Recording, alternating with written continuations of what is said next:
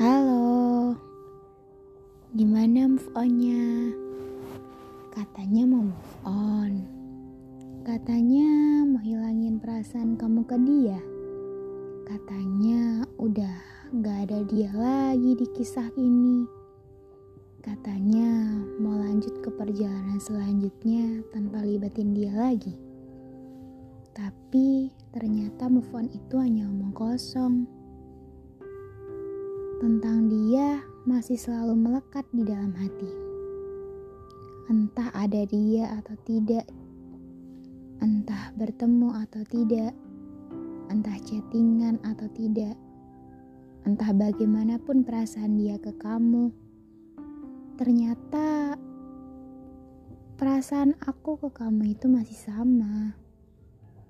Kita jatuh cinta pada seseorang yang memang sulit untuk digapai. Kita nggak pernah tahu apa yang sebenarnya dia rasain.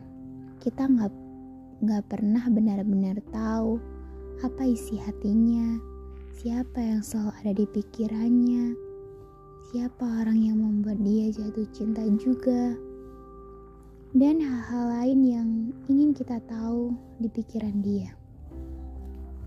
Hanya dengan melihat story kamu, aku ngerasa senang karena aku bisa tahu kabar kamu meskipun kita lama gak bertemu. Hmm, gimana ya? Move on itu bukan ketika kamu bisa menghilangkan semua tentang dia. Kamu bisa menghapus nomor dia, menghapus foto dia, tapi dalam hati kamu, kamu masih suka kangen dia. Tapi ketika ketemu lagi, ya rasa itu tumbuh lagi. Move on itu ketika kamu bisa mengikhlaskan dia, ketika kamu bisa pindah tempat, ketika kamu bisa melangkah tanpa dia, ketika kamu tahu gitu saat ada dia kamu bersikap biasa aja gitu. Ternyata kamu udah bisa ngerasain oh ternyata nggak ada dia juga. Nggak apa-apa. Ternyata aku nggak sama dia itu aku akan tetap baik-baik aja. Aku akan tetap hidup dan aku akan tetap melanjutkan mimpi-mimpi aku meskipun tanpa kamu. Tapi ternyata bagian dari move on itu cukup sulit. Mungkin Waktu akan menjawab semuanya. Waktu terus berjalan dan perasaan itu tak kunjung reda. Ternyata perasaan itu masih sama. Masih menginginkan dia, masih suka rindu dia, masih ingin dia ada di sini. Di dalam bagian cerita yang tak kunjung usai. Masih ingin mengajak dia ke bab berikutnya ke kisah yang jauh lebih indah. Tapi nyatanya, kamu menjadikan dia tokoh utama, tapi dia menjadikan kamu tokoh fig figuran yang artinya sulit ya. Jatuh cinta pada sosok seorang yang memang dari awal gak pernah menginginkan kita. Dari awal memang aku yang berjuang sendiri di sini. Dari awal memang kita paham bahwa kayaknya harus butuh perjuangan yang besar untuk perjuangin manusia ini gitu. Gak tahu lagi gimana caranya. Tapi yang namanya perasaan memang gak bisa dipaksakan.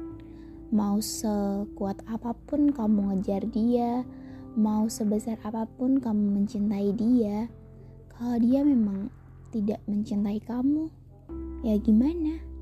Kamu gak bisa memaksa perasaan orang. Tugas kamu hanya melakukan yang terbaik. Tugas kamu hanya mencintai dia, mendoakan dia, mengikhlaskan dia dengan apa yang dia pilih. Karena kamu harus tahu, dia berhak bahagia atas apa apa pun yang ada di dunia ini. Dia berhak untuk menentukan kebahagiaan dia. Meskipun kamu tahu bahagia dia mungkin bukan sama kamu, sama yang lain. Karena mungkin kita hanya bisa jadi bagian dari ceritanya, bagian dari perjalanannya, tapi kita nggak bisa nemenin dia sampai akhir. Kita nggak bisa jadi bagian istimewa di kisah dia. Kita nggak bisa jadi tokoh utama dalam cerita dia. Kita juga nggak bisa jadi bagian dari hati dia. Tapi nggak apa-apa. Perasaan memang nggak bisa dipaksain. Perasaan memang tumbuh begitu saja tanpa ada paksaan apa pun. Dan kamu harus tahu bahwa diri kamu berharga dan setiap orang berhak atas apa pun yang ia mau.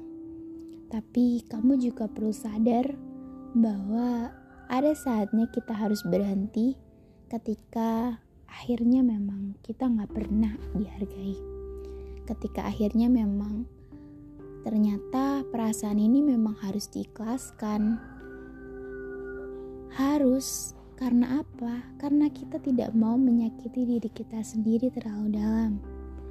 Kita tidak ingin patah hati. Kita tidak ingin patah hati hanya karena kita nggak bisa memiliki dia. Biarlah rasa ini tumbuh tanpa kamu balas. Biarlah aku tetap mencintai kamu meski dari jauh. Dan aku percaya bahwa semakin waktu berjalan, kita akan tahu gimana takdirnya. Karena kita nggak tahu kan nantinya kita akan sama siapa.